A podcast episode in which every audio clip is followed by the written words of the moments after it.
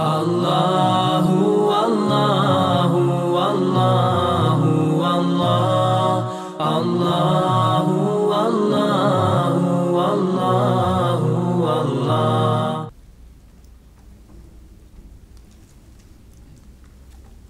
إن الحمد لله تعالى نحمده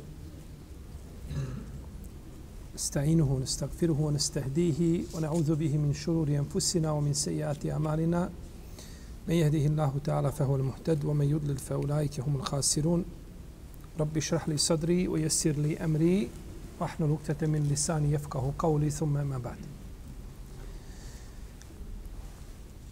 Mi smo došli do riječi uzvišenog Allaha za žel yuridu Allahu bikum al-yusr. Allah želi da vam olakša. I spomnjali smo na kraju prošlog predavanja da je olakšica a, m, u dini islamu može se tretirati nekakvim motom ove a, divne vjere koju je uzvišen Allah objavio cijelom čovječanstvu. Jer je šerijat poslanika sallallahu alejhi ve selleme najjednostavniji za primjenu i olakšao je sljedbenicima njegovog ummeta a, na način kako to nije bio slučaj s prethodnim narodima. A, ovdje autor kaže nakon toga yuridullah, Allah želi. Kaže, ovim je uzvišeni Allah potvrdio svoju volju. Allah želi da vam olakša. Znači, Allah ima volju, te barake o teala, i da je to njegovo svojstvo.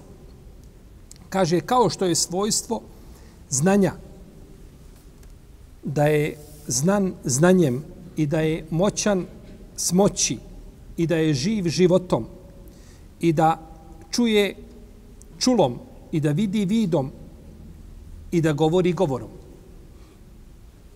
Pa je autor ovdje spomenuo a, sedam svojstava vezani za stvoritelja Tebarake o Teala, oko kojih nema posebnih razilaženja kod učenjaka. Međutim, ovi sedam svojstava, naravno, oni su, jeli, ovi sedam svojstava, oni, oni, oni su, Austar se ograničio na njih, zbog toga što čovjek, što gospodar Tebarake je Teala mora imati ova svojstva pri sebi. Jer da nije kadar, ne bi mogao stvoriti ovo sve što je stvorio na tako precizan i tako skladan način.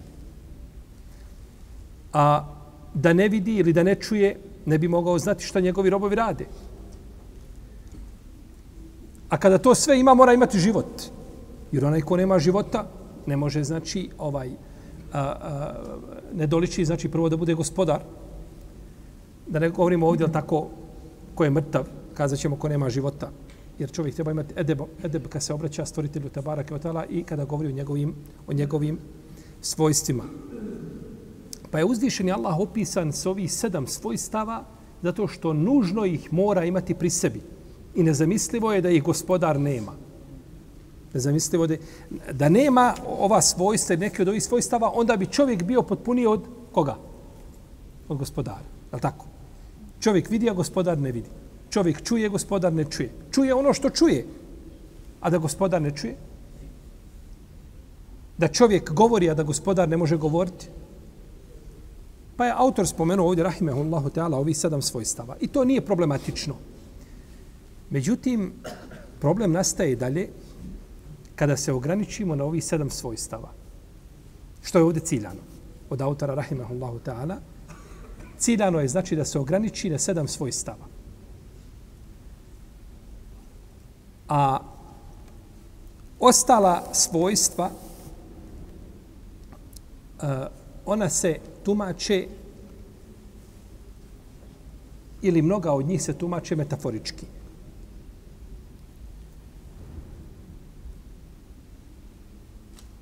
Kod učenjaka prvih generacija vredi je pravilo da potvrđuju uzvišenom Allahu sve što je sebi potvrdio i da negiraju sve što je negirao. A tako isto što je došlo u sunnetu. Od potvrde i od negacije. Ne dodaju na to i ne oduzimaju od toga. A kada su u pitanju Allahovi atributi, njegova svojstva, oni kažu potvrđujemo ih onako kako je uzvišeni Allah sebi pripisao njegov poslanik sa osaname i ne oduzimamo od toga i ne, daje, ne dodajemo na to. Ne negiramo ta svojstva niti ulazimo u njihovu kakvoću. Niti ulazimo u njihovu kakvoću. Imam Ibn Kudama je prenio od Ibn Huzeyme u svom dijelu Zemu Ta'wil da je rekao kaže dokazi koji su došli u vezi sa Allahovim atributima, kaže, to, je, to su prenijele potonje generacije od njima prethodnih. Stoljeće za stoljećem, od Asaba i Tabina, kaže, do našeg vremena. A Ibn Huzeyme je umro početkom četvrtog hiđarskog stoljeća. Kaže, i sve kako je uzvišen Allah za obavijestio o sebi njegov poslanik Salosaneme, i kaže u tom pogledu izbjegavaju metaforičko tumačenje i negiranje i ne poistovjećuju njegova svojstva s bilo čim, niti govore o njihovoj kakvoći. Kako nije dozvoljeno uzvišenog Allaha? Lejse ke mislihi šeji ništa mu slično nije. Kako nije dozvoljeno uzvišenog Allaha poistovjeti s, ne, s nekim od njegovih robova, tako nije dozvoljeno njegova svojstva poistovjeti sa svojstva njegovih robova. Čovjek čuje i vidi, a gospodar čuje i vidi. Kakva je razlika između ova dva svojstva kod stvoritelja i kod stvorenja? Ista onakva razlika kakva je razlika između čovjeka i stvoritelja. Ista ta razlika. Pa kako je nemoguće u prvom slučaju bilo kakvu bilo kako poistovjećivanje praviti i poređenje, tako je nemoguće u drugom slučaju. Ali se potvrde, znači, ta svojstva. I to je mezheb ehlu sunneta ul džemata, naročito selefa, znači prvih pokoljenja. I nisu a, koristili nešto što se zove tefuid, Ili sad neki kažu novi izraz je sukut. A to je da se prepušta značenje uzvišenom Allahu. Morate me dobro slušati. Jer je ovo precizno pitanje, akaidsko, pa da ga razumijete dobro.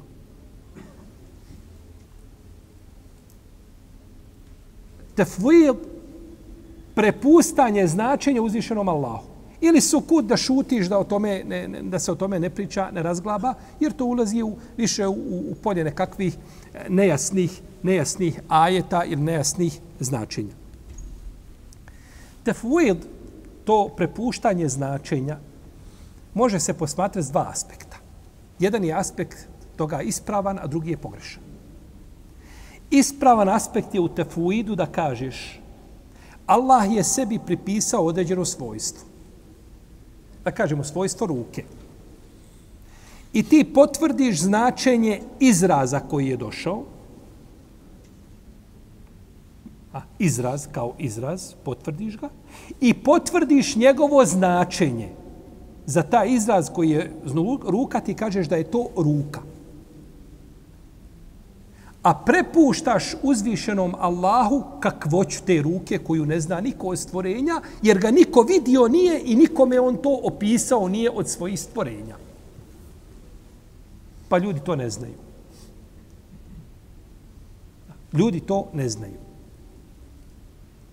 Pa kažeš, Allah ima svojstvo ruke i to je ruka, međutim ja ne znam kakvoću te ruke. To ne znam ni ja, to ne zna niko od ljudi. I taj tefuid u takvom smislu može proći.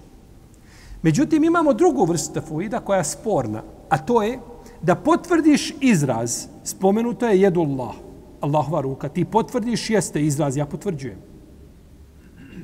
Jer kad ne bi potvrdio izraz, šta bi bilo? Molim? Kako? Negiranje ajeta, to je belaj. Negiranje ajeta, to je kulminacija belaja. Tad bi negirao ajet. Ne, oni potvrđuju, kažu, jeste, to je izraz, potvrđujemo u redu. Dobro, dolazimo do značenja, kažu, prepuštamo značenje Allahu. Ili kaže, ja vjerujem da je to on, onako kako je uzvišeni Allah htio. Pa ne potvrđuje ni značenje. I tu se dešava razilaženje. Između prvih i potonjih generacija. Tu je razilaženje kod te tačke. Izraz svi potvrđuju. Međutim, kada dođemo do značenja, imamo tefuid kod mnogih učenjaka potonjih generacija koji kažu to značenje zna samo Allah zna šta to znači, mi ne znamo. Ne, mi kažemo to je ruka. Samo kakvoću te ruke ne znamo. A to je razlika između dvije tvrdnje. I tu se je desilo razilaženje između onih koji su ovaj a, posegnuli za ovim tefuidom, a imaju oni koji posegnuli za metaforičkim tumačenjima, ali tako da se time misle, ne znam, na Allahovu snagu, na Allahovu rahmet, njegovu milost i tako dalje. Pa se treba vjerovati, znači, u izraz i treba se vjerovati u značenje, ali kakvoću, to kažemo, to zna uzvišeni Allah, te barake, o teala. Tako je, tako je vjerovao naš selef prve generacije i nema sumnje da je selef znani od halefa, od onih koji su došli. Jer, vidite, kada mi kažemo da je Allahova ruka, ne znamo, šta, znamo samo potvrđuju izraz, ne znamo šta je to, to Allah zna šta je to. Onda znači Allah je objavio u Kur'anu riječi koje ljudi ne razumiju. I onda te riječi imaju status riječi ne arapskog jezika. Kao da je tu došlo nešto iz, ne znam, perzijskog jezika, stavljeno i ljudi čitaju, ne razumiju, ne znaju to znači. Ne, uzvišen se Allah obraća ljudima na jasnom arapskom jeziku. I tako je poslanik sa osam činio. I ne bi im govorili nešto što je za njih nejasno i ostalo nekako nedomici. Ili u najminu kada to poslanik to ne objasni. Ali nije pojašnjavao ono što je šta. Ono što je jasno. Kako kaže eh, jedan učenjak, kaže eškelu li teudihu lvadeh. Kaže, naj, najteže, naj, najteža zadaća je da pojasniš jasno. Pa poslanik sam nije pojašnjavao ono što je jasno bilo.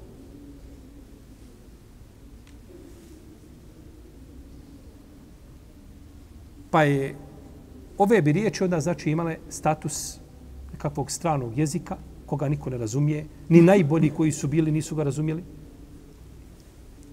To je to je neispravno.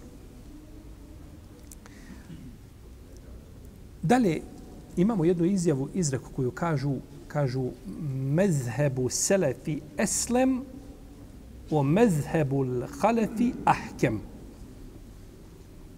Kažu način i razumijevanje Allahovi svojstava kada je riječ o selefu, kaže to je sigurnije njihov način je sigurniji. A kaže, način potonjih generacija je mudriji. To je izjava koja nikako ne stoji.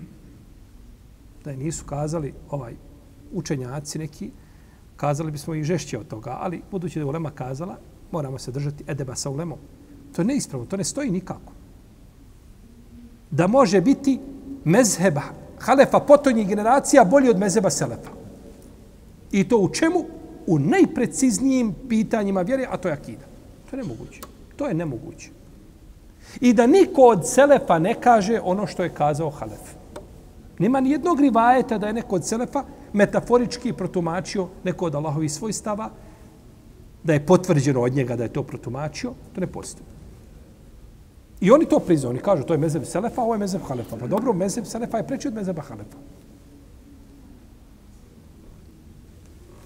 Kaže imam Ibn Abdelber u svom delu Temhid. Imam Ibn Abdelber je umro 463. hiđarske godine. Polovinom 5. hiđarskog stoljeća. U svom dijelu Temhid u 7. tomu na 145. strani kaže Ehlu sunnet, kaže, su složni da se potvrđuju Allahova svojstva koja se navode u Kur'anu i u sunnetu i u njih se vjeruje i ona se razumijevaju u stvarnosti njihovoj a nikako metaforički. Navodi imam Ibn Abdulber šta? Konsensus ehlu sunneta.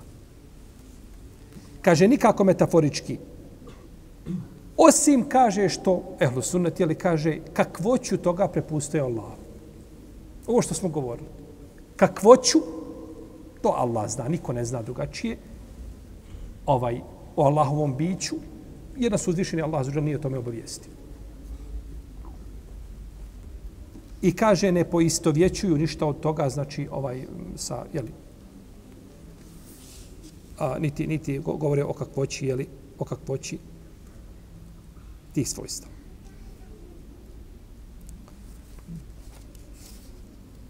Tako da, vjerovati ono što je uzvišen Allah, kako je sebe opisao njegov poslanik, to je obaveza.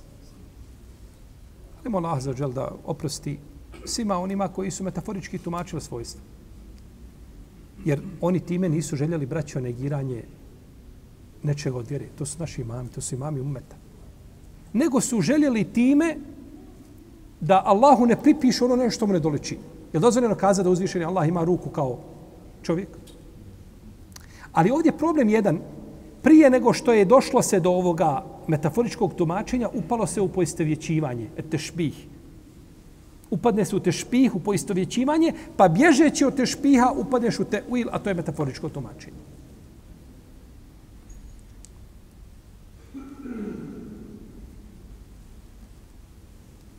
Međutim,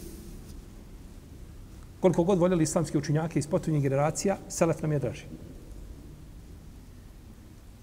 Ali bez obzira na to čovjeku nije dozvoljeno da vrijeđa imame umeta, da o njima pogredno govori. To su učenjaci koji su željeli hak i istinu. I inša Allah da za to neće biti odgovorni pred gospodarom, a za željeli nisu željeli nego hak.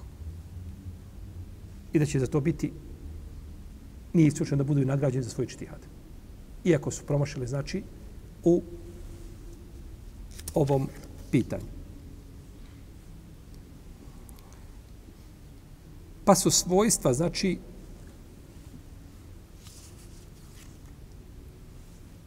uzvišenog Allaha za onako kako je sebe opisao i pripisujemo Allahu ono što je sebe pripisao, taj izraz i to značenje a kakvoća je ono što zna uzvišeni Allah, te barak tala, jedan jedin.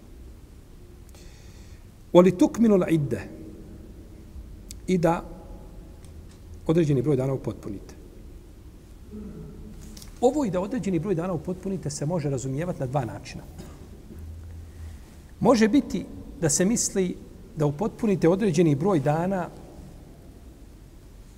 u smislu da one dane koje ste prekinuli post na putu ili dok ste bili bolesni, da i šta?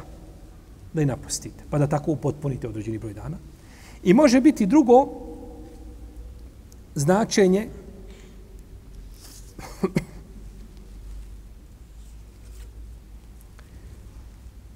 da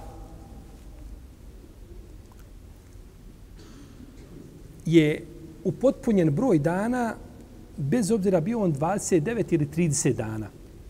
Bio mjesec 29 ili 30 dana. Upotpunite znači to bez obzira na broj dana šta? Jer mjesec može imati koliko? Vaše je da upotpunite broj. Bilo jedno ili bilo šta? Bio mjesec duži ili bio? Bio mjesec kraći. Jer je došlo od Isu da mjesec ima i 29 dana. Međutim, ima hadis kod muslima u sahihu da je poslanik sa osanem rekao šehra idin la jenkusani Ramadan u Dhulhidže. Mjeseci u kojima se nalaze dva bajrama ne mogu biti umanjeni, ne mogu biti skraćeni. Hadis kod muslima. Dva mjeseca u kojima se nalaze bajrami ne mogu biti skraćena. Ramazan. Izul Hidžet. Znači, Ramazan se mora postiti 30 dana. Ko posti 29 dana, morao bi napostiti sve što je ostavio od toga i gdje je postio koliko? 29 dana. Jer mjesec ne može biti Ramazan manji od 30 dana. Naravno, možete neko kazati, dobro, smo mi sad pametni od cijelog dunjaluka. Ima. Koliko smo puta postili 29 dana? Kako to da sad mjesec moramo? Pa kažemo, hadis je kod muslima. Međutim, ovom hadisu nešto nedostaje. Što mu nedostaje? Razumijevanje islamskih učenjaka. Kako su ga razumijeli? Značenje nije ovo što smo spomenuli. Da ne može biti, kada se kaže lajen kusani, ne mogu biti umanjene, misli se ne može biti umanjena njihova nagrada. Ja ti postio 29 dana, ja ti postio 30 dana, ti imaš nagradu i oprost grijeha nije upitan. To je ciljano da hadisa, nije ciljano da hadis da mjesec ne može 29. Iako po spoljašnosti koga čita ovako razumiće, da kaže to je to, a ozu billahi, da postim 29 dana. Pa je ciljano hadisom nešto drugo našto ako uzmemo prethodni hadis da mjesec može imati 29 dana, onda se to znači, jel tako, složi i nema nesklada u hadisima. poslanika. Iako se mogu, hadis se mogu ponekad pogrešno razumjeti. Mogu se pogrešno pročitati, mogu se pogrešno shvatiti. Imam Al-Hatabi, Ebu Sulaiman, on je veliki čenjak. On je umro 388. hiđarske godine. On navodi u svome dijelu Me'alimu sunan, ima komentar na sunan Ebu Davuda u četiri dijela štampa. I to je od njega prije imam Ibn Džouzi u svome dijelu Telvisu Iblis. Kaže, ima on jednog prijatelja i ovaj prijatelj rekao, kaže, ja se držim jednog hadisa, radim po njemu već 40 godina. Koji hadis? Kaže, neha Rasulullah sallallahu alaihi wa sallame anil hilaki jeumel džumuati kable sana. Zabranio je poslanik sallallahu alaihi wa a, u džamiji pravljenje halki petkom prije namaza. Petkom prije namaza, bilo kakve halke, i ne trebaju da budu, jer time se ometaju klanjači, oni koji žele da zikre, da uče Kur'an i slično tome. Međutim, on je pročitao, mjesto da pročita, anil hilak, što znači množina od reči halka, halke, kružoci, on je to pročitao anil halki, a to znači brijanje. Pa kaže, 40 godina nisam obrijao glave. Kaže, petkom. 40 godina on je obrijao glave petkom, pogrešno pročitao hadi, prije nije bilo hareketa, nije bilo vokala, čak ni tački nije bilo na slovima, tako to je kasnije radi čitanja. Pa ko nije shvatio šta je ciljano hadisom i nije e, ovaj poslušao učenjaka kako to tumači, pa kaže mu Ebu, Ebu Suleman al-Hatabi, pa kaže nije to živ bio ciljano. Ciljano da se ne smiješ brijati, zabranjeno je brijanje, ciljano da ne smiješ praviti halke ne brijanje. Ne smije, ciljano, ciljano da ne smiješ se halke praviti u džami, a ne brijanje. Kaže, Allah te kaže izbavio iz zadaća kao što si ti mene izbavio iz zadaće. On je to pogrešno razumio. I slučajeva takvih pogrešnih razumijevanja ima dosta. I zato kažemo uvijek mi smo zarobljenici islamski učinjaka. I hoće ljudi nužno da odvoje, ha, ko hoće da odvoji? Oni koji su u dalaletu. Dok hoće neko da te odvoji od učenjaka, znaj da je zaglibio i da grca u blatu. Samo eto, pitanje je kad će, kad će mu dženaza biti dok odvoji jer ti kad odvojiš onda on tebi dođe sad da vidiš mi smo pokopali učenjake i njevo svatanje razumijevanje i, i, i, i svu tu baštinu što imamo. E sad slušaj ti da ja tebe poučim šta je vjera. Od teuhida do misvak uzima se onako kako su islamski učenjaci svatali u tom krugu ako postoji razilaženje elastičnost to je široko Protivno da čovjek izlazi van tog kruga to je nedaća i to je musibet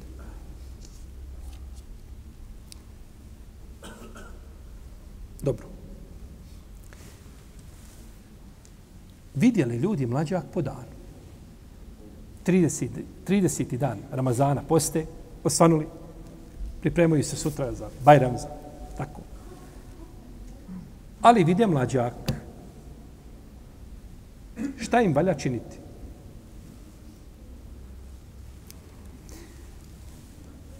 Taj mlađak, to viđenje mlađaka ne vrijedi. Mlađak se gleda posle akšama. A ne gleda se po danu. Imam da rekutnije zabilježio slancem koga je ocijenio ispravnim, imam Neovi, ocijenio ga ispravnim Ibn Molekin i prije njih oba dvojice Ibn Arabi, al Maliki, u svome delu Al-Arida. Kazali smo kod Dare rekutnije, ali tako njegovu sunenu, da kaže Šekik, bili smo, kaže, ili bili smo u Hanikajnu, to je jedno mjesto današnjem Iraku, blizu je današnje, današnje iranske granice. Kaže, pa nam je došlo pismo od Omera i rekao je, kaže, mlađaci se razlikuju, kaže, njehova veličina ponekad zna biti različita. Kaže, ako vidite, kaže, mlađak po danu, nemojte prekidati post sve dok vam dva svjedoka ne potvrde da su ga vidjeli juče na veče. U vremenu kada se je mogao vidjeti. Pa ako vam to potvrde, onda vi nakon toga šta? Prekinite, a tada ne smijete postiti. To je Bajram. U protivnom viđenje samo po danu, niste ga na večer vidjeli, znači neće biti mjerodavno. Kaže imam Ibn Abdelber i ovo je, kaže, mišljenje koje zastupa Ibn Mesud, Ibn Omar, Enes Ibn Malik i ovo je stav Malika i Šafije i Ebu Hanife i Muhammeda Ibn Hasana i Lejsa, Sada, Reuzaija, Ahmeda Ishaka i većine islamskih učenjaka. Dok kaže imam Sufjane Seuri i Ebu Jusuf, kaže ako se vidi poslije podne, on je onda za naredni dan, za večer koji dolazi, računat će se. A ako se vidi prije podne, prekinuće se, to je od prošle noći. Ha, ako je prije podne, pripada prošloj noći. A ako je posle podne, pripada šta? Narednoj noći. Znači, ako je prošloj noći, onda treba šta? Prekinut post. A ako je naredne noći, treba čekati, znači, da zađe sunce i da se završi time, znači, mjesec Ramazan. Ovo je došlo u jednom rivajtu od Omara radijallahu ta'ala anhu, da je napisao pismo Utbi ibn Farkadu radijallahu anhu, on isto ashab Sulemi, da mu je napisao pismo, rekao, kaže, ako vidite mlađak po danu prije nego što sunce uđe u zenit, to je, kaže, 30 dana ste u potpunosti, kaže, posti, to je to. A kaže, ako bude poslije, onda sačekajte večeri. Onda sa, I to se prenosi od Alije. Međutim, predaja od Alije daif i predaja e, nije potvrđena i predaja od Omara je, ima prekinut lanac prenosilaca. Pa ove predaje nisu šta? Nisu autentične. Nisu autentične i ova podjela znači nije autentična. Doduše ona je došla, ona se prenosi i kod imama Dare Kutnije, kod imama El Beheka u njegovom dijelu El Hilafijat. Imam El Beheka ima dijelu El Hilafijat koji je štampano u 8 ili 9 tomova. Dijelo koje je napisao u vezi s razilaženjem iz imama Šafije i Ebu Hanife. Zasebno dijelo napisao sve s rivajeti, znači sa lancima prenosilaca. A, I zabilježio je ovaj, eh, eh, znači imam El Beheka i ovu predaju da je poslanik od Ajše, da je poslanik sa osrem jednog dana osvanuo postač, 30. dan, 30. dan ovoga Ramazana, pa su ljudi vidjeli mlađak. Pa nije prekinuo post do noći. Pa nije prekinuo post do noći.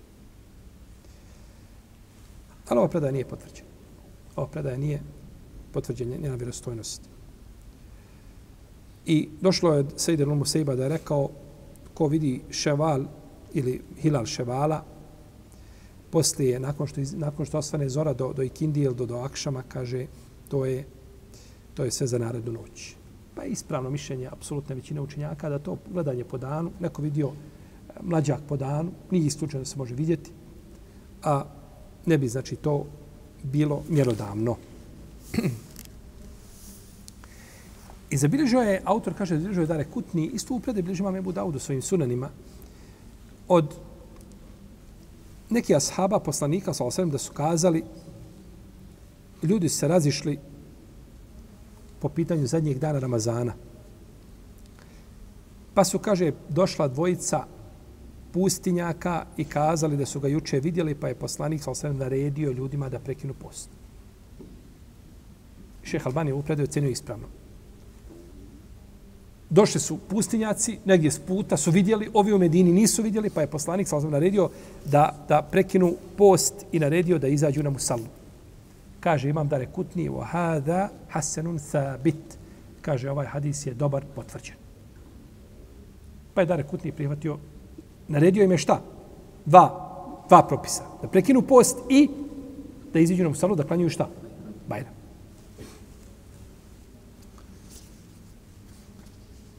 Islamski učitelj se razilaze, kaže Imam Ibn Abdul Ber, da ima Malik i njegovi sledbenici kažu da neće se klanjati ovaj a Bajram osim u prvom danu. Samo prvi dan. Znači, ako se u prvom danu to vidi, a ako bi pogriješili i postali taj dan i onda se vidi, neće se drugi dan klanjati šta? Bajram. U vezi mama Šafije imaju tu isto dva mišljenja. Dok imam Seuri, imam Euzai, imam Ahmed, kažu iziće i klanjaće sutradan. Izaći i klanjaće sutradan Bajram namaz. Kaže autor i ispravno je mišljenje da će izaći. Zbog, kaže, vjerodostojnog suneta od poslanika, sallallahu alaihi wa sallam. Pa je kazao suprotno kome? Imamu svoga meseba. Suprotno imamu svoga meseba. I to je odlika uh, učenjaka. Kada dođe do argumenta, ne mogu ničije reći oponirati riječima poslanika Muhameda sallallahu alaihi wasallame. Pa nije istučeno da to bude vid nadoknade kao što je došlo u hadisu kod Tirmizi od Ebu Horeire, ko ne klanja dva rekiata sabahskog sunneta u vremenu neka ih klanja nakon izlaska sunca. Čovjek ustao, znači nema vremena, klanja će farz, klanjao farz, isteklo vrijeme, klanja nakon izlaska sunca ta dva ta dva rekiata. Ovaj hadis kaže, autor ovdje od, od dva klanja dva rekiata sabahskog sunneta posle izlaska sunca, kaže, ocjenio je Ebu Mohamed vjerodostojnim. Ovaj Ebu Mohamed, ovaj, je mene malko namučio. Ko je Ebu Mohamed? Ko je Ebu Mohamed? Ebu Mohamed ga ocjenio vjerodostojnim. Dosta učenjaka nosi naziv, ovaj, nosi nadimak Ebu Mohamed. Koga je ciljao? Ovaj, nije zaočekivati da je ciljao Ibnu Hazma. Ebu Mohamed Ibnu Hazm, jer između Ibnu Hazma i, i malikijskih učenjaka je zategnuto suviše da bi se koristila njegove riječi kao ocjena. Ebu Mohamed, ovaj, Allah ne bude zna ko je, ali po svemu sudi da mogao biti Abdul Hak ili Špili. On je umro 581. hiđarske godine, u svome dijelu Al-Hakjamu Sugra, ocjenio ovaj hadis vjerodostojnim. On je Ebu Mohamed. On je, znači, živio vreme imama Kurtubija, pa najvjerojatnije da je njega ciljao tim riječima, Ebu Muhammed. Kaže Tirmizi i shodno ome rade, rade neki učinjaci, znači sta dva rekiata klanjuju šta? Posle izlaska sunca, kaže to je stav Seurija i Šafije i Ahmeda i Ishaka ibn Mubaraka i ostali učinjaka. Pa bi to bilo, znači, klanjanje poslije, kao što bi klanjanje Bajrama bilo šta? Poslije čega? Poslije prvog dana. Dobro. Ima hadis kod Nesaije u Sunenu. Vjerodostojena hadis. Da je da su ljudi vidjeli mlađak, pa su došli kod poslanika, sa osaneme, po danu vidjeli pa je naredio da prekinu post. Nakon što je sunce već skočilo i jeli, dan već uveliko nastupio, pa im naredio da iziđu na Bajram sutra dan. Da klanjaju Bajram u prvom vaktu. U prvom vaktu misli se u, u poslije šta izlaska sunca, dok ne os, jel, dok sunce is, oskoči do podne. Ovdje je bilo već izišlo, dok bi ljudi vjerojatno izišli da bi to vrijeme prošlo, pa im naredio da iziđu sutra. Pa im naredio da iziđu sutra dan. A drugoj spredaj kaže, naredio im da izađu na Musalu sutra. Zašto je autor rekao ispravno je da će izaći sutra kaže zbog vjerodostojnog sunneta. Misleći šta na ovaj hadis? Pozvao se autor na hadis. I nije se mogao na bolje pozvati. Pa je, je li tako? Međutim, ljudi znaju da je sutra, danas je zadnji dan, vidjeli smo mlađak, ševal nastupio, sutra treba biti Bajram. Kaže, hajmo mi Bajram klanjati u četvrtak. Sutra dan da se malo veselimo onako, a mi ćemo u četvrtak klanjati Bajram, a da Ne može. Bajram se klanja prvi dan. Ovo je izuzetak kada dođe šta? Ti si zadužen da učiš ono što možeš, što je do tebe. Pa ako nisu znali znači za nastup Bajrama, nije problematično da se odgodi dan. A ako se zna, nema, nema Bajrama drugog dana. Bajrama nema šta drugog dana, nema salatu la id, mislimo na, jel, ovaj, nema, iako Bajram je jedan dan, u smislu da je taj dan zabranjeno posti, da su njemu klanja Bajram i tako dalje, a imate dane tešrika, tako, koji su posle onoga kurbanskog Bajrama, To su dani, jel tako, ovaj, jela i pića i veselja. I oni su nazvani Bajramom u jednom smislu, a nisu Bajram šta u? U drugom smislu, jel tako? Kao što je petak nazvan Bajramom, jel tako? A, pa je autor odabrao mišljenje čije?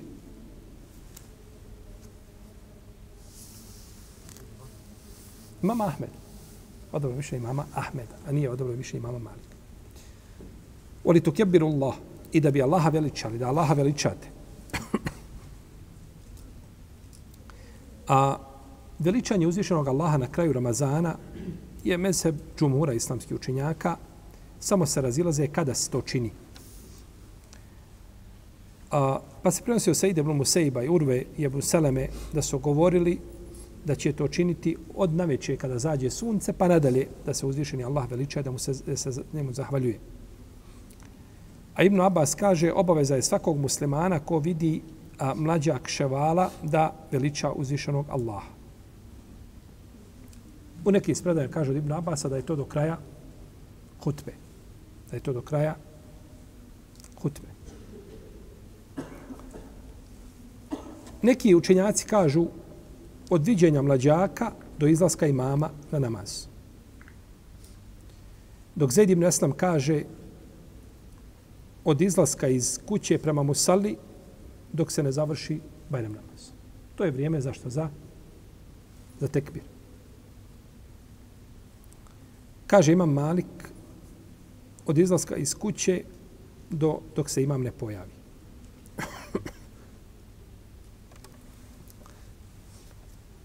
I u vezi s ovim slučajem ima, eh, tekbirima ima eh, kod nekih učinjaka, ako iziđe čovjek prije izlaska sunca, dođe nam u salu, sjedi ništa, ako izlazi posle izlaska sunca, onda će tekbirati slično tome, uglavnom neće prije izlaska sunca. Imaju različita mišljenja u vezi s tim, zato što nije došlo ništa vjerodostojno od poslanika, sa osrem u tom smislu. Ebu Hanife kaže na eh, ovaj eh, da se tekbira samo na eh, kurban bajram, a neće ramazanski bajram, nisu vezani tekbiri za ramazanski bajram. Međutim, ovdje uzvišen Allah kaže Oli tu kebirullah. U ajetu koji se tiče čega? Ramazana. Koji se tiče Ramazana. Dare Kutni je zabilježio od Ebu Abdurrahmana Sulemija, tabijina, on je umro 174. hiđarske godine, a, da je rekao, kaže, bili su žešći u pogledu, ovo bilježi imam Hakim, imam Al-Bejheqi, bili su, bili su, kaže, žešći u pogledu tekbira a, na Ramazanskom bajramu nego na Kurban bajramu. Misli na ashabe i te velike tabijine. Jel? I došlo je kod Ibn, došlo je u rivajetu došlo od Ibn Omara da Ibn Omar, i to je došlo kod uh, imamo da rekutni Ibn Bišebe sa vjerozostanim lancem prenosilaca, da Ibn Omar učio tekbire na Bajram. A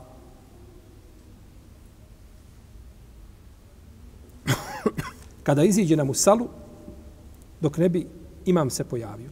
I ovo je stav većine islamskih učenjaka, da se uče tekbire na jednom i na drugom bajramu.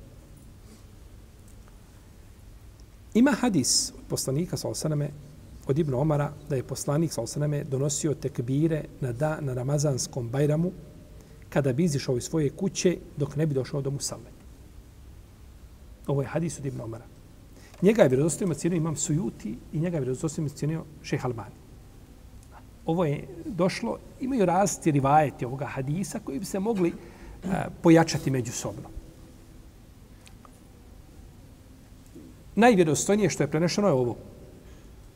Kada bi poslanik izašao iz svoje kuće dok ne bi došao šta do? Do Musalme. Kada kažemo najvjerodostojnije, znači li to da je vjerodostojno?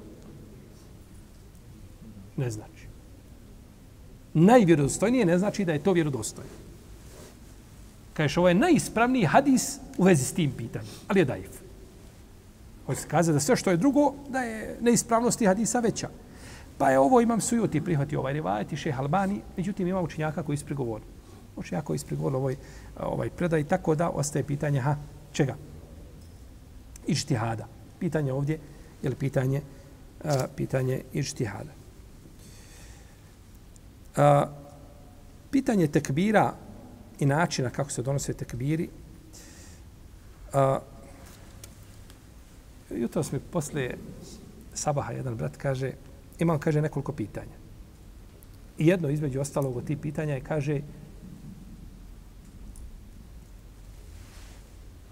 negdje sam ja spomenuo hadis, kaže, jedan je daje rekao da je taj hadis dajiv. Ti si rekao da je sahih, on je rekao da je dajiv. Ovdje imamo hadis koga su cijelni, imam sujutije, imam umeta za hadis.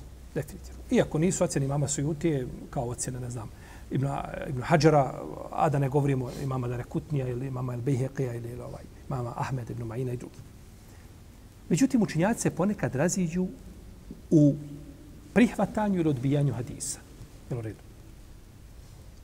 Imamo skupinu hadisa oko koje su islamski učinjaci složni da su vjerodostojni. Imamo skupinu hadisa veliku oko koji se islamski učenjaci složeni da su slabi, bez obzira koja vrsta slabog hadisa. Bilo da je slab, da je, da je munker, da je batil, da je maudua, da je apokrifan, to je sve znači skupina slabih hadisa ili ulazi u tu oblast. Kao što u vjerodostojne ulazi ono što je mutevatir, ono što je mes, mešhur i ono što je, znači sve što je došlo, znači garib, sve to ulazi u to značenje. Imamo treću vrstu hadisa, a to su hadisi u vezi s čijom ocjenom hadijski stručnjaci imaju različita mišljenja. I to je veliki broj hadisa. Jako veliki broj hadisa naćete različite ocjene kod islamskih učinjaka. Razišli se. Jer u ocjeni hadisa nije 2 plus 2 4. Može biti 9, može biti 12, može biti 4. I u ocjeni hadisa nema pravilnik, ti staviš pravilnik i samo pustiš kod taj pravilnik hadis i tamo iziđe, a, onaj, iscijeđeno, završeno sve, sahih, daif i nema raziloženja. Ocjena hadisa je ičtihad, učenjaka. Kao što je ičtihad, dižu li se ruke u namazu, ne dižu li se ruke u namazu, e, ovaj, da li se ide prvo na, na ruke, na seždu ili koljenima, ičtihadi. Tako je ocjena hadisa kod učenja islamskog učenjaka šta? Ičtihad. I zato ponekad možete biti ovako hadis, prenosi vjerodostojan imam, vjerodostojan od imama, od vjerodostojnog, ne zna se koji je bolji. I hadis daif. A vamo prenosi jedan, prenose pouzdani, ima u sredini jedan koji je slabog pamćenja, daif i hadis ispravan. Dobar. Može biti tako. Može.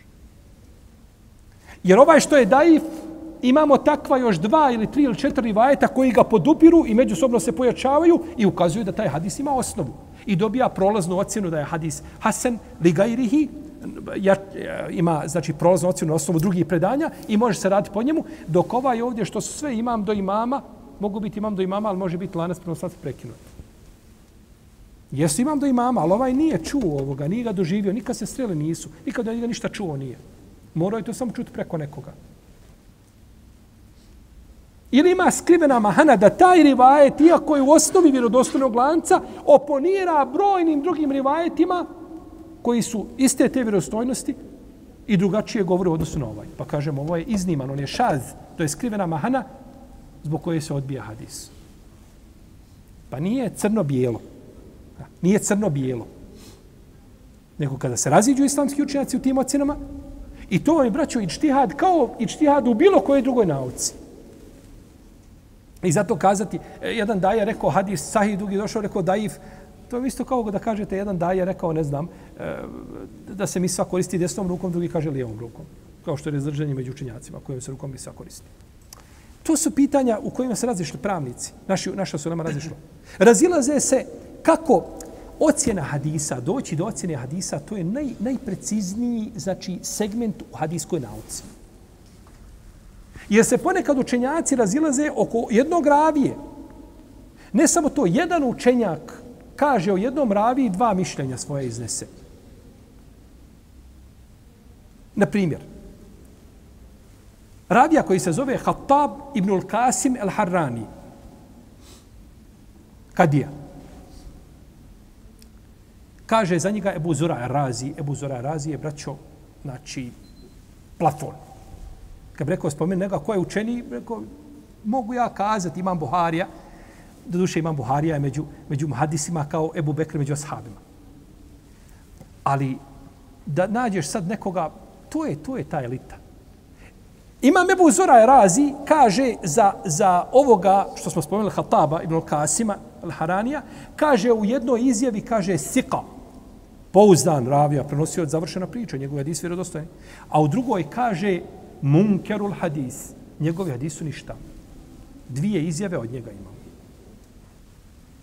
Pa na osnovu ti izjava se ocjenjuje šta? Jer ti su imami analizirali puteve i lance i hadise koje on prenosi i vidjeli koliko se podudora sa ispravnim, koliko odstupa i na osnovu toga mu daju prolaznu ili prolaznu ocjenu. Dovedeš jednog učenika i porediš ga s ovim ovamo najboljim učenicima i vidiš odmah gdje je on. Je li za dvojke, za trojke, za četvorke, za četiri plus, za četiri minus, znaš gdje je. I ti hoćeš da oceniš hadis. Dobro, koju ćeš izjavu uzeti od, od ove dvije izjave? Pa je Buzora razi šta je, jednom govorio ovako, jedan put ovako, jedan put, ma nije jedan put ovako, jedan put ovako, nego je ovaj, ovaj ravija je, on je, ovaj, došlo je do poremećaja kod njega, pa kad ga je ocjenio da je munkerul hadis, to je bilo u vremenu kada je on šta? Kada je po, po, pobrkao, pomiješao. Pod kraj života, co se obično dešavalo ravijama. Dobro, a kako ja da znam kad Hatab prenosi hadis od nekoga, je li to prenio u prvo vrijeme ili u zadnje vrijeme? To ti je, to ti je da, te, da, ti, da ti glava pukne od muke. Da, da dođeš do toga odakle, kad je prenosio, gdje se sreli, kad si da iščitavaš njihove biografije, da se polomiš. I da kažeš, ima li bistro more po požnosti, malo što čitam fino, polako, onako, laganine, da se ne, da se ne opterećujem, bola. To sam, sam sebi kičmu lomiti.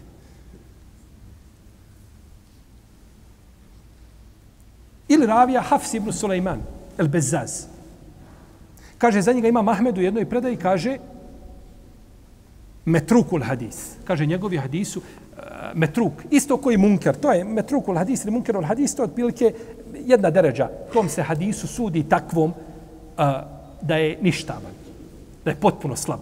Od, njemu ne može ništa pomoći, niti on može pomoći drugim hadisima. Dobro. I kaže za njega ima Mahmed, kaže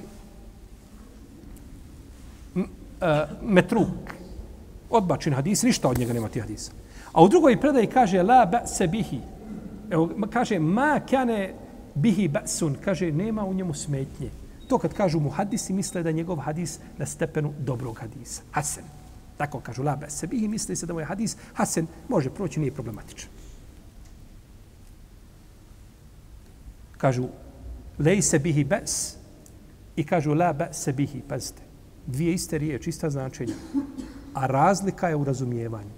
Kad se kaže lejse bihi lejse je negacija u arapskom i la je negacija. Ali la je jača negacija od lejse. Pa kad mu hadis kaže lejse bihi bes i la be se bihi, la be se bihi, to je nijansa više od lejse bihi bes. Kuba, vagao za zlato. Riječi mu hadisa precizne kako su govorili. Imam Ahmed jedan put kaže ovako, drugi put kaže ovako. Što ćemo prihvatiti od imama Ahmeda? Koji je hukm od imama Ahmeda sad mjerodavan? Ovaj što mu je dao prolaznu ocjenu ili ovdje kaže da se njegovi hadis ništa. A na osnovu toga ti sudiš hadisu. Šta ćeš raditi? Bistro more. Izlaz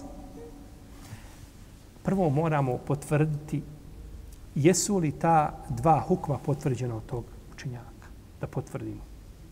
Jer ponekad se pripiše učenjaku da je nešto rekao u ravi, on to nije kazao. To je neko spomenuo u kasnim generacijama, to nije on kazao. Pa ako potvrdimo da jeste rekao, e onda moramo paziti da upadnemo u jedan drugi problem. A to je problem ko je ciljan tim kada je on rekao taj i taj ravija, koga je ciljao? Jer, braću, vi imate ravija koji su ista imena. Otvorite zbirke koje govore o, o, o imenima ravija, naćete recimo da, da ovaj, uh, Ismail ibn Ibrahim. Imate koliko hoćete ravija, zove se, zove se Ismail ibn Ibrahim. Otvorite raviju koji se zove Muhammed ibn Abdillah. Naćite možda bliže stotinjak ravija Muhammed ibn Abdillah. Kada ima Mahmed rekao Muhammed ibn Abdillah je daif, kog je ciljao? Možda si ti pobrkao. Možda on nije ciljao tog, možda on ciljao drugog, a ti je otišao na njega. I to se često dešavalo velikanima hadijskih stručnjaka da pogriješe u imenu. Ime isto, i on pogriješi, mjesto njega stavi drugog raviju, kažem, nije taj cina, nego drugi ravija. Pa se moraju gledati njegovi učenici, moraju gledati njegovi šehovi da bi mogao doći do onoga ko je pravi. A ako su isti učenici šehovi, onda šta je? Opet bistro mora. Onda ti je problem, onda je ičtihad. Tad ti moraš ičtihaditi koji je od njih dvojice ciljan. A to ti je dovoljno ovaj da ti uzme tri mjeseca života.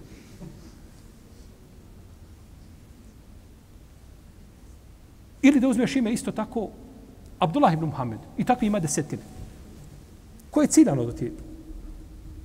Pa se ponekad učinjaci raziđu oko određenog hadisa. Recimo hadis da je namaz sa misvakom bolji od namaza bez mismaka za 70 puta. Ma tako hadis. Oko tog hadisa je rat. Jedni učinjaci kažu vjerodostojan.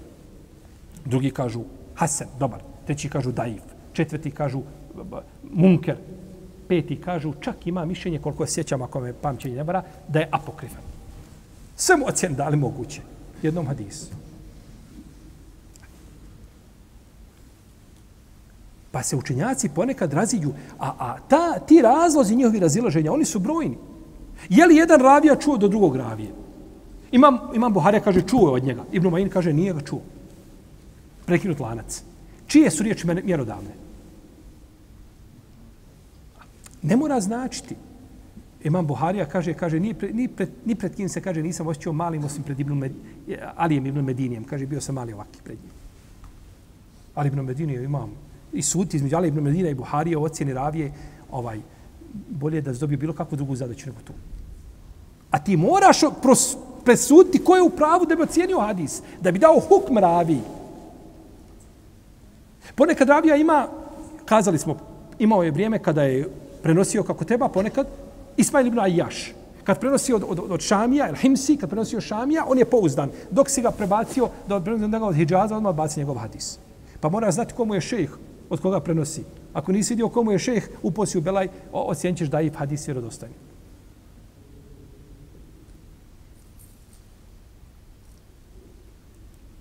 Pa to sve znači metodi, načini da se dođe, jel tako, do, do, ovaj, a, a, do, do, do, do, do hukma na, na sudan hadis. A to nije nimalo, to nije malo jednostavno.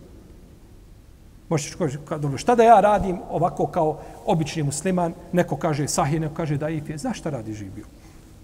Bistro moj. A, ti uzim, uzmaš propis od onoga kome najviše vjeruješ. Kažeš, u, ne znam, u mojoj zemlji, u mjestu gdje ja živim, ima jedan daja koji se mu zove Muhammed ibn Jusuf, taj i taj. On je studirao hadis u Medini, završio je nešto, učio dole, ima nekakve tamo i džazetname, ima, nema. On je kod mene najučeniji po mom mišljenju po pitanju hadisa i kad je ostane hadisa, uzmem od njega i idem svojim putem. Ti s time zadužen više od toga ne možeš.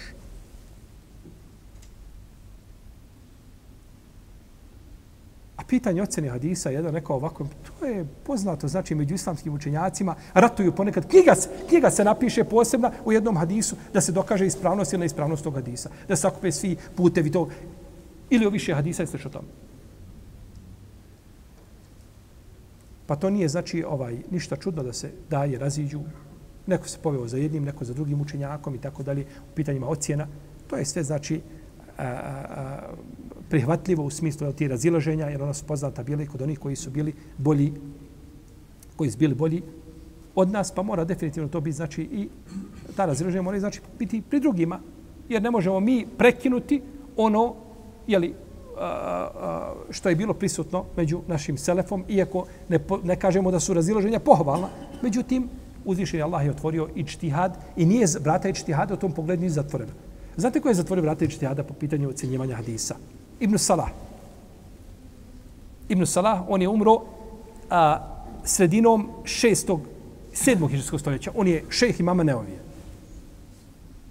On je rekao, kaže, vrata su po pitanju ocjenje hadisa u ovome vremenu zatvorena. Zašto? Kaže, zbog velikog džehla koji vlada. Ja Allah, znate koje je to braćo vrijeme? Koje je to vrijeme i mama Neuvija, posle toga ovaj dolaze, u to se vrijeme rađa šehol sami u Temije, posle dolazi Ibn Kajim, dolazi učinjac, dolazi imam Mizi, dolazi Ibn Kesir, dolazi imam Zehebi, dolaze, nemo, to je procvat. Kaže, džehli je veliki vlada i nema, kaže, to je završeno. Iako nije, većina učenjaka se nije složila sa Ibn Salahom, rahimahullahu ta'ala, zato što, ovaj, naćete mnogo hadisa koje nisu htjeli prvi učenjaci nego kasniji učenjaci. Tako da vrata ičtihada nije zato. Njegov učenik se ne ovi nije složio sa njim. I nije složio ni Ibnu Hadžer, ni Sehaovi, ni drugi učenjaci nisu složili sa imamo neovim u tom pogledu. Pa vrata nisu zatvorena, vrata su otvorena. Međutim, ovaj a, treba svati razumije, znači da mogu, može među dajama biti ovaj određenih da može među dajama biti određenih razilaženja u pogledu hukma na hadis, a taj, ono je problem šta? Kada je hadis batil, a neko kaže hadis je sahih. E, to je već problem. A hadis daif i hadis hasen između nije dlaka. U smislu da ovaj daif može imati, dobro me slušajte, može imati rivajet koji ga podupire pa ga pojača i prihvati ga i da postane hasen. Tako biva hasen u odnosu da ostane ako je sam ostaje daif. Pa jedan, ne znam, učenjak ocjenio ga slabim jer nije mu našao nego jedan put. A drugi učenjak došao, prevrnuo ovaj, e, knjige i literaturu u kojoj se spominju e, hadisi, našao nešto što podupire to značenje i tako dalje, pa prihvatio hadis. Tako da odbijanje i prihvatanje hadisa je, kažemo, i čtihad i ono je vezano znači za ovaj čovjeka. Pa nekad pogodi jedan učenjak, drugi put pogodi drugi učenjak i uzvišen Allah otvorio svakome od, od onih koji su spremni, koji mogu da se uhvate u koštac, a oni koji ne mogu, mani se toga, pusti obavezu. Sve što ti Allah nije tovarno na leđa, nemoj sam sebi tovariti. Nemoj sebe opterećavati nečim zbog čega ćeš biti pitan, a ako ne staviš sebi taj teret na leđa, niko te pitat neće. Pa što se moram ja dovoditi samo u neugodnu situaciju? I znajte, braću, sve što ima po pitanju ravija, i što je došlo većina hadijskih disciplina su vezane za ocjenu hadisa. Na kraju da bi ti došao imamo ravija na hiljade i desetine hiljada. Čuo sam u šeha da ima 500 hiljada, iako ovaj, sumnjam u taj broj dobro, ali nije bitno. Ocjene ti ravija i sva muka i, i, i što su knjige napisane, ovaj, imam El Mizi, imam dijelo koje zove ovaj, eh, Tehzibul Kemal, štampano, on je skratio dijelo Abdulganil Maktisija, pa ga je skratio Ibnu Hadžiru Tehzibu Tehzib, pa Ibnu Hadžiru da skratio svoje dijelo u Takribu Tehzib. Jedna knjiga skraćena četiri puta. Ima u 35 tomova štampa. Sve u ravijama. I to samo iz šest hadijskih zbirki. Samo šest hadijskih zbirki. Gdje su ostali ravije koji nema nikako? Sve su to pisali da bi šta? Došli do hukma na hadis. Tako da je doći do hukma na hadis, to je I zato se manjina islamskih učenjaka bavila da donose hukm. Vi ćete fakije, on dođe spomene hadisi, nije, nije moje. Ja, ja znam hadis, shvatite, razumijete, stavite na njegovo mjesto, a neka ha, ovi daju mu hadisi svoje mišljenje. Pa se nisu bavili s tim, nego jedna manja skupina učenjaka. Rahimahumullahu ta'ala. Nema. Ostalo još nešto kratko vezano za, za svojstva ovih tekbira možemo to gotovo, dobro. Uglavnom, taman oni vjerojatno možda vide da, da, smo, ovaj, da mi ne prekidamo, pa uglavnom ovaj, nastavit ćemo, e, nešto nam je kratko ostalo, samo par minuta da završimo svojstva i načine učenja ovih tekbira, pa ćemo završiti svojim ajetom. Allah, te Allah, nama sallallahu alaihi wa sallam, wa ala alihi wa sallam, Allahu, Allahu, Allahu, Allahu.